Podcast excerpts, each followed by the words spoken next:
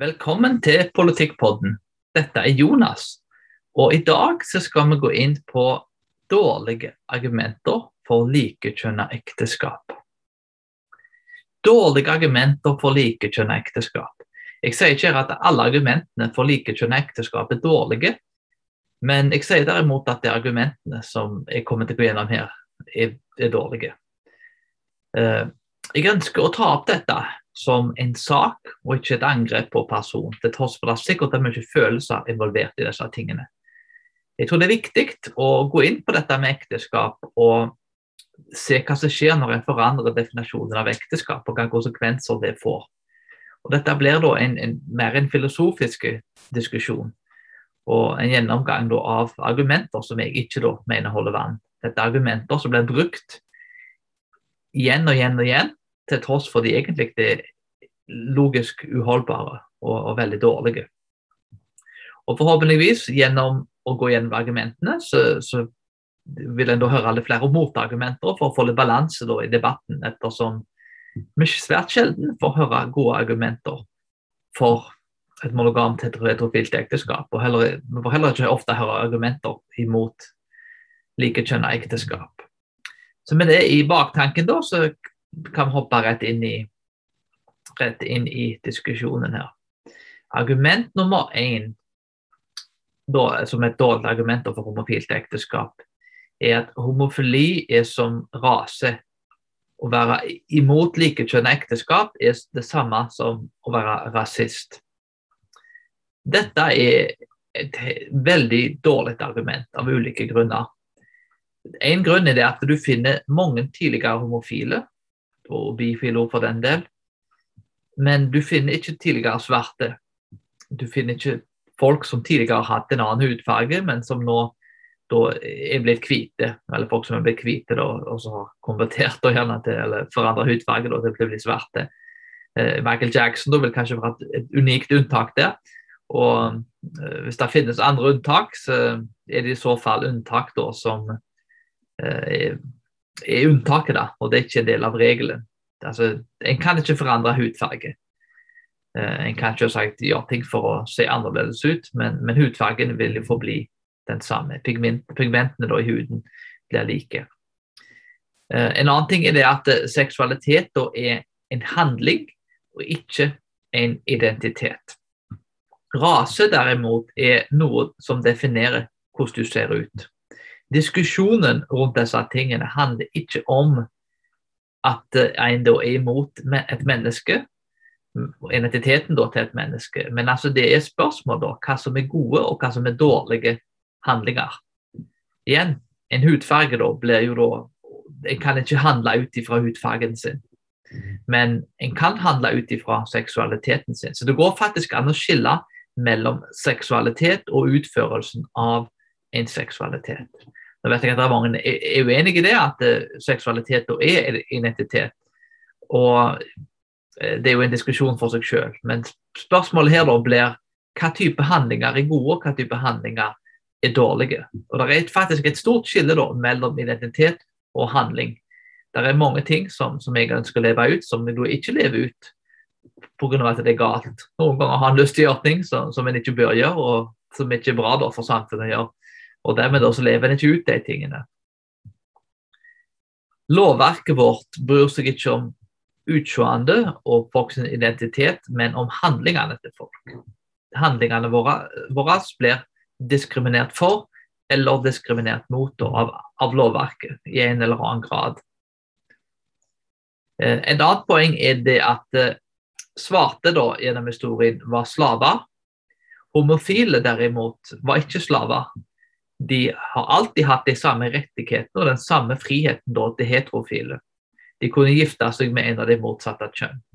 Og jeg skal ikke si at det ikke har vært en utfordrende ting for homofile da, ikke kunne ja, altså, gifte seg da, med, med, den da, som de uh, er glad i og forelska i. Det har sikkert vært en utfordring å være homofil gjennom historien, men, men jeg vil likevel si at det er ikke sammenlignbart med det å være en, en, en slave uten noen som helst form for rettigheter.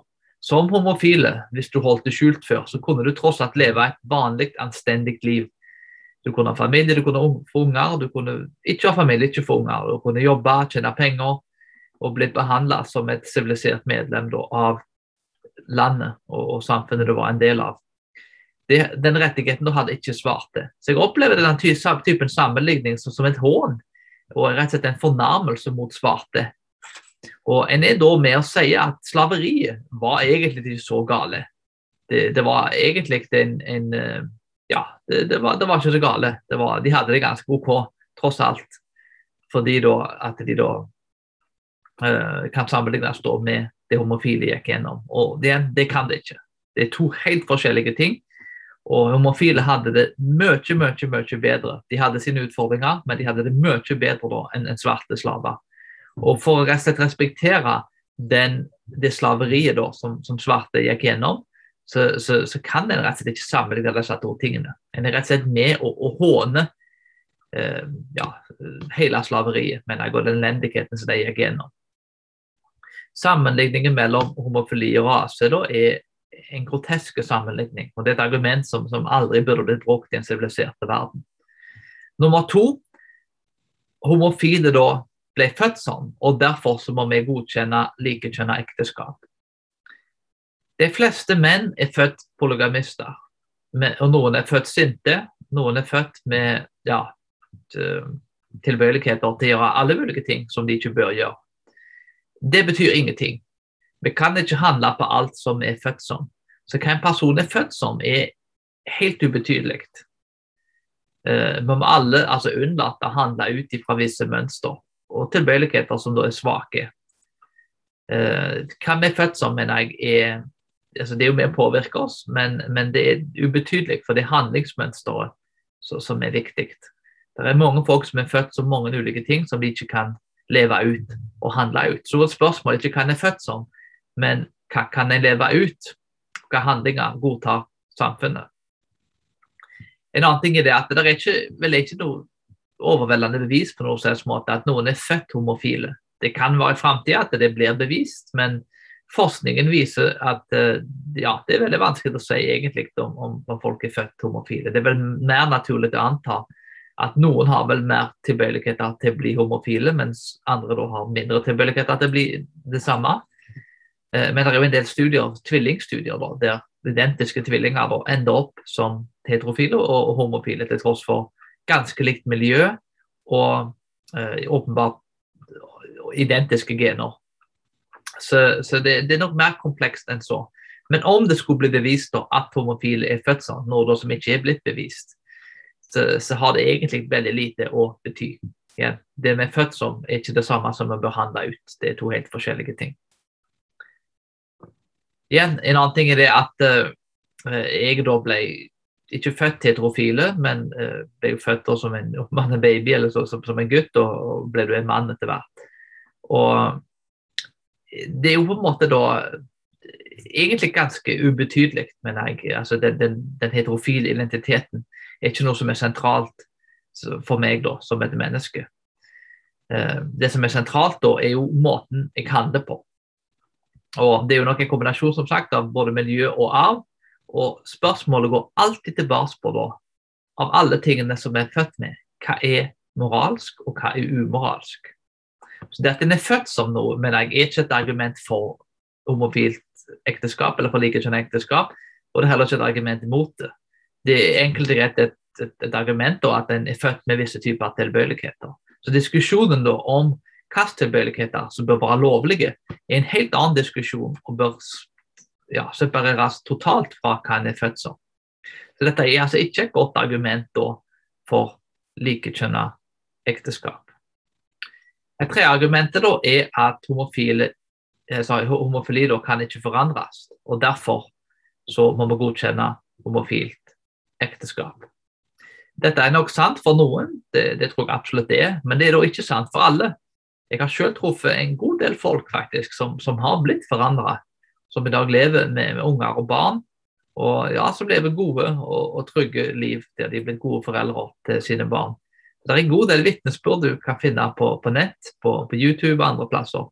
I tillegg til det forholdet som jeg har truffet. Det er en bok av Espen Ottersen og mine homofile venner, der han det er mange ulike folk da, i den boken der, der han deler de historiene med folk da, som da har levd som homofile, og alle har den tilbøyeligheten og legningen, der de da ikke velger å leve det ut. Så Det er jo åpenbart at mange har forandret seg, og mange er i stand til å leve helt andre liv enn de tilbøyelighetene de har. Så igjen, For noen så kan det forandres, det kan nok ikke forandres for alle. Men til og med det det ikke kan forandres for. Det er masse folk som lever fantastiske liv til tross for de ikke da lever ut alle tilbøyelighetene de har. Og igjen, disse er vitnesbyrd som folk da bør ja, søke på på nett og kanskje lese den boken til Ottosen for å få et innblikk i disse tingene. Igjen, vi lever alle med behov som vi ikke kan leve ut. Og også behov som aldri kan forandres. Det er visse ting i livet som er uforanderlige. Vi må en, enkelt og rett lære å leve med de tingene. Vi må prøve å ikke leve de ut, fordi de kan få negative konsekvenser for samfunnet. Så at noe ikke kan forandres, er ikke et argument for homofilt ekteskap. Nummer fire. Homofilt ekteskap handler om kjærlighet, og hvem kan tross alt være imot kjærlighet? Hvem kan være imot samtykke og kjærlighet? Og, altså emosjonell samtykke og kjærlighet. Ekteskap igjen handler ikke bare om kjærlighet. Ekteskap er for barn, det er for lykke og for å sivilisere mennesker. Eh, forskningen som jeg har lest, viser at det er best med, med mor og far. Eh, det er en som heter eh, Wilcox, som har uh, forska mye på dette her og dokumenterer grundig. Det er en forsker som har god eh, uh, moralsk og si, stor troverdighet blant sekulære forskere. Og et barn har det da best med mor og far. Det er jo egentlig en, temmelig åpenbare ting, men, men det er rolig god mye forskning bak det som selv var veldig selvinnlysende. En annen ting det er at sex som er basert på noe som er medisinsk farlig, er ikke like kjærlighetsfullt. Eh, jeg skal ikke gå inn på detaljene her, men, eh, men eh, jeg vet iallfall at i, i, i norske, på norske medisinske råder i forhold til homofile sex, så, så, er det en del advarsler at ting da må gjøres ordentlig, og det er en del forhåndsregler som må tas. Og det er der ikke på samme måten da på heterofile sex. Det er visse kroppsdeler da, som, som er designa eller, eller, konstruert, eller hvordan du vil definere det, til at avfallsstoffer skal gå ut av kroppen. Og En, en trenger ikke være en doktor eller ha en medisinsk bakgrunn for å klare å forstå at uh, det er visse ting som rett og slett er uheldige fra et medisinsk perspektiv. Og, og Derfor er det medisinske råd av folk som da støtter homofilt ekteskap, og som er for alt dette der en da faktisk må ta en hel haug med forhåndsregler. Og at det er ja, en lavere levealder og, og, og, en god del andre ting. Aids var veldig utbredt bl.a. i de homofile miljøene, spesielt da, ja, en del år tilbake. Nå er det en, en, god del nye medisiner som har gjort at det er blitt litt tryggere, heldigvis. Så da sprer det seg ikke på, på samme måte som før, pga. teknologi og, og medisinen har utvikla seg. Men eh, det er fortsatt en del medisinske komplikasjoner som gjør da, at det er ja, betraktelig farligere. Og dermed da uh, kan ikke beskrives som en kjærlighetsfull uh, handling. Om ekteskapet handler om kjærlighet, så åpner dette opp ord for at en kan gifte seg med flere. Eh, noen elsker mer enn én en person, noen elsker søskenbarna sine, og gjerne til og med familiemedlemmer. Igjen, Søskenbarnekteskap er jo utbredt i den muslimske verden, og ble også praktisert faktisk i store deler av Vesten, i, i en del muslimske miljøer. Eh, så dette er ting som er veldig utbredt. Når en da begynner å argumentere på denne måten, at kvinner er tross alt imot kjærlighet? Når emosjonelt samtykke og kjærlighet er det som definerer et ekteskap, så åpner en jo opp for at det kan bli hva som helst. Familie, det kan bli gifte seg med flere eller være sammen med flere. Eh, en er her da med egentlig til å åpne opp Pandoras boks og når den er åpen, så er det ikke så lett å lukke den igjen. Ekteskapet kan jo bli hva som helst, og vi vil miste den siviliserende og beskyttende effekten som ekteskapet har. At ekteskapet handler om kjærlighet, sier også at kjønn betyr ingenting. Dette er en kontant avvisning av biologiske sannheter, og er det med å avvikle hele kjønnsforståelsen. Igjen, hvis kjønn er uviktig i et ekteskap. Den sier da at kjønn er uviktig. Så igjen så åpner dette opp for at ekteskapet kan bli om til hva som helst. Og det er jo nettopp det vi er i ferd med å se.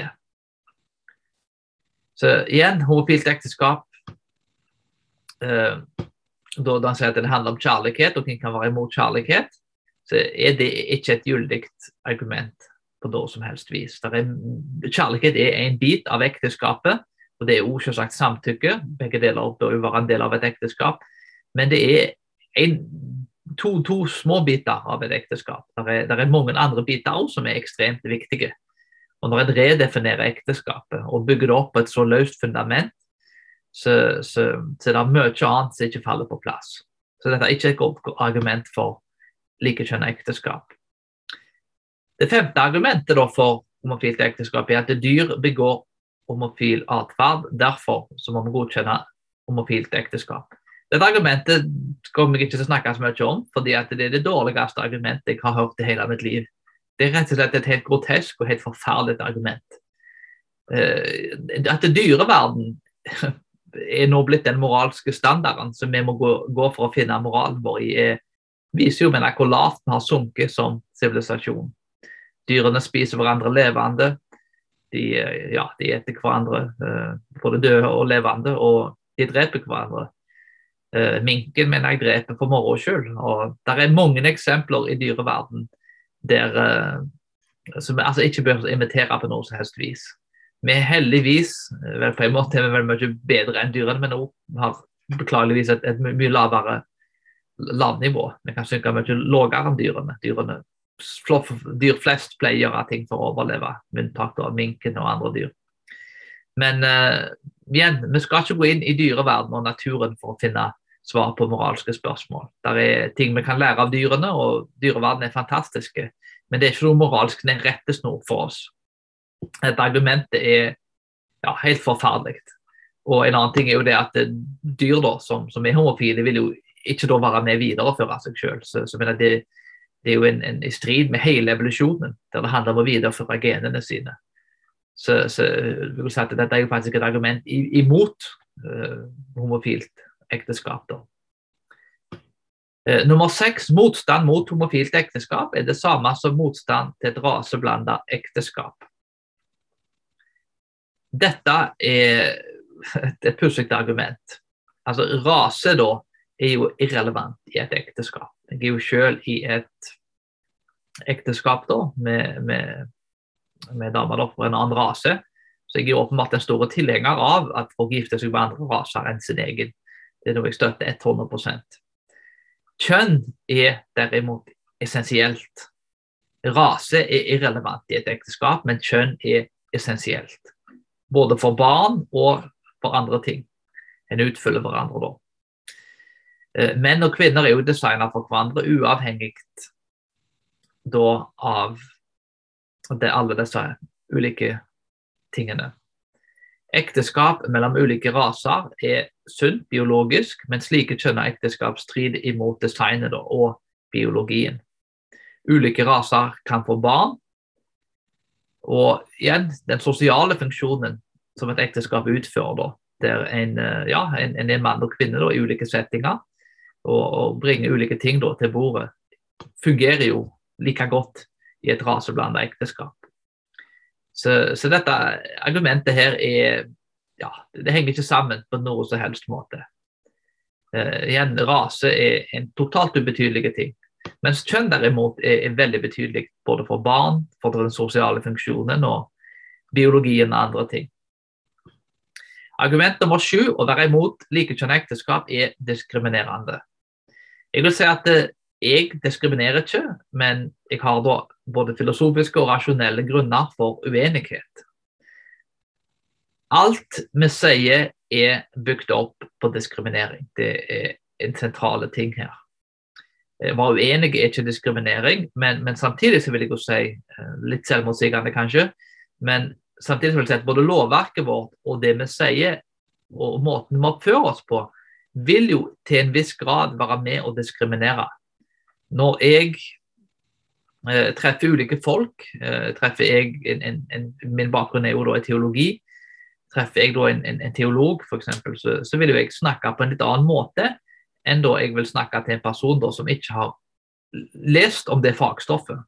Når en advokat snakker til meg og snakker om lov og rett, så må den advokaten snakke til meg som en, som en enkel person som ikke da forstår lov og rett på samme måten som, som en lærde person da, som advokaten er.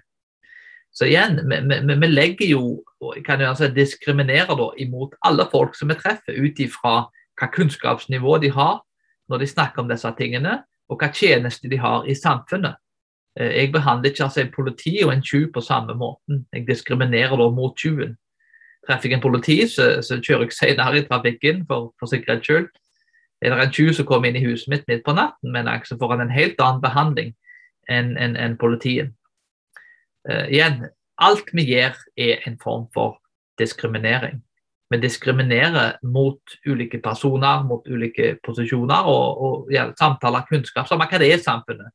Og likt er det med lovene våre. Lovene våre diskriminerer mot noe og mot noen. Alle lovene vil jo i en eller annen grad si at du har lov til å gjøre dette, men du har ikke lov til å gjøre det. Og det vil alltid være noen som vil føle seg ekskludert. Så det å si at noe er diskriminerende, er, er må på en måte si, si, si, ja til det. En vil jo da automatisk diskriminere hvis en da sier jeg åpner munnen sin. Nesten alle dialoger og samtaler vi har, er bygd opp på visse former for diskriminering. Men det betyr ikke da at en, en, en misliker folk og en er intolerant og, og, vil folk vondt. Det, det, betyr veldig enkelt at eh, en, en, ønsker folk det beste, men, men en må jo da skille mellom det som er rett og det som er galt. Og det er ikke drevet av ondskapsfulle motiver. Når en da sier det er f.eks. bedre med, med både mor og far, Eh, eller da ikke sier det bedre med mor og far for barn, så diskriminerer en for eller imot barn. Hvis det er bedre for et barn å vokse opp med mor og far, så diskriminerer, diskriminerer en jo mot deg da som, som da, i et likekjønna ekteskap f.eks., eller likekjønna par, som da vil ha, adoptere barn. Men hvis en da godtar likekjønna ekteskap og sier at de kan ha barn, og forskningen da viser at det er dårlig, så diskriminerer en jo da faktisk imot barn med tanke på at barn vil få det dårligere enn de hadde fått det et heterofilt, hos et heterofilt par. Så, så, igjen, alt er en viss form for diskriminering. Uh, så dette er ikke et godt argument da, for homofilt eller likekjønnet ekteskap. Det åttende argumentet er da at noen ekteskap produserer ikke barn, og derfor er homofilt ekteskap gyldig. Unntak og regel. Det finnes noen da som ikke har bein og armer. Det betyr derimot ikke at vi bør sanksjonere at folk skal bli kvitt armer og bein. Igjen unntak og regelen. Vi tilrettelager for regelen og ikke for unntaket. De fleste ekteskap produserer barn, og de fleste ekteskap bør produsere barn med tanke på at det er bra for, for, for landet vårt å få flere barn. Erna Solberg sa at vi trenger flere barn i Norge. Flere skattebetalere, politikerne vil ha mer penger i kassen. Og, og at vi vil overleve som et land og videreføre arven vår. Så igjen, for at det skal skje, så må vi tilrettelegge for at regelen blir vedlikeholdt og ikke unntaket. For de som ikke kan ha barn, så det, har ekteskapet da, hos et heterofilt part likevel den samme sosiale funksjonen. Eh, det kommer til fosterbarn, adopsjon, og det kan hende bare være en god tante, onkel og andre ting i samfunnet. Så Den sosiale funksjonen i et heterofilt ekteskap har samme funksjonen, uavhengig av om de får barn eller ei. Det niende argumentet er at verbal motstand mot homofilt ekteskap er hatfullt og bør straffes. Uenighet bør ikke straffes. Ytringsfriheten og religionsfriheten er en del av våre menneskerettigheter. Vi bør vise respekt og tolerere folk vi er uenige med. Og Det er nettopp det toleranse er. Toleranse er faktisk å vise folk respekt som vi faktisk kanskje ikke liker, og som vi faktisk er helt uenige med. Toleranse handler om å vise respekt for ikke den er enige med, men den er uenige med. Så Den er ikke intolerant når en da er uenige da, med homofile. En skal tolerere folk som, som uh, støtter likekjønnet ekteskap, og selvsagt homofile. De skal respekteres og vises kjærlighet. Men uh, det er ikke det samme som at en må være enige med folk.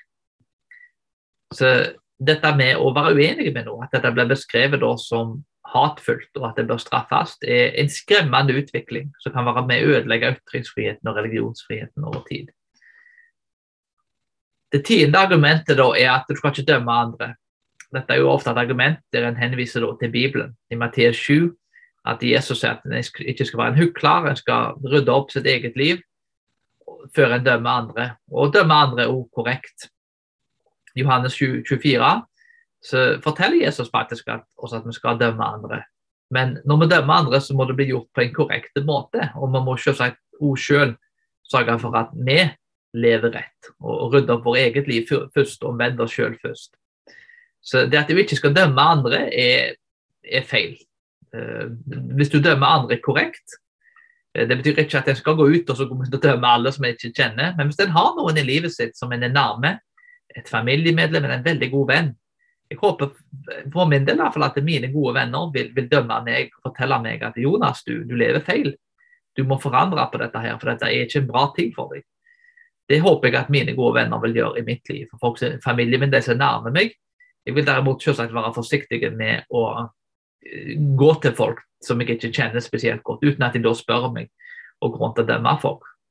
Men uh, om en virkelig er glad i folk, så vil en da fortelle folk det som er sant. og Gjøre det på en korrekt måte. Og selvsagt prøve å leve rett sjøl, uh, til tross for at uh, det er ingen som lever rett. Så må en derfor gjøre sitt beste.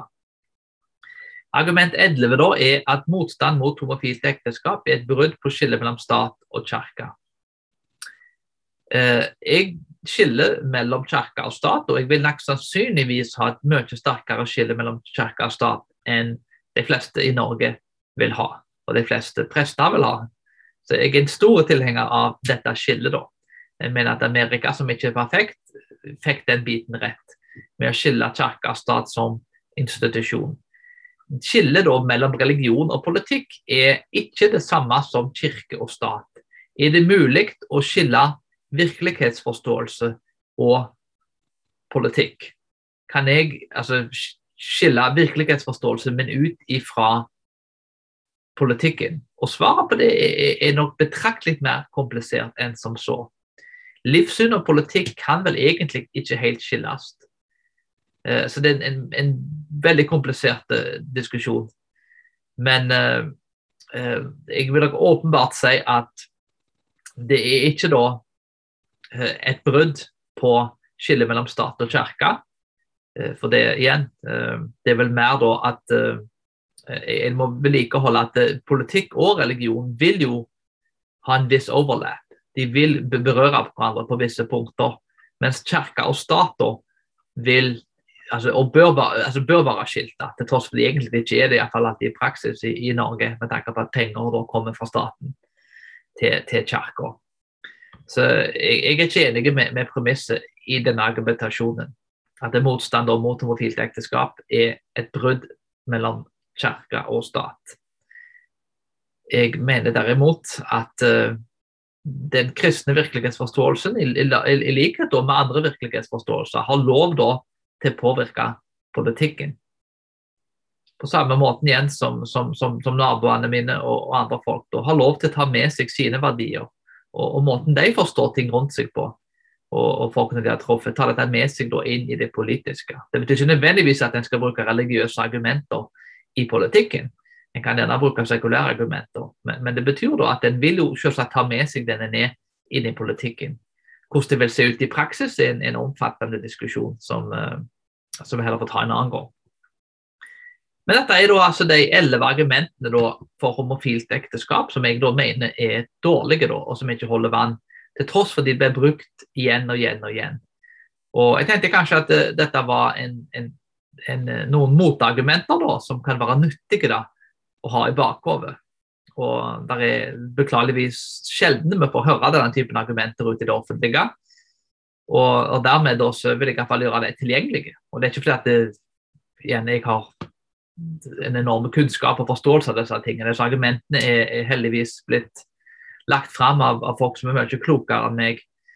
Men, uh, men nå er de iallfall tilgjengelige på norsk, og forhåpentligvis så kan de være til nytte for noen. Takk for meg. Vi snakkes siden.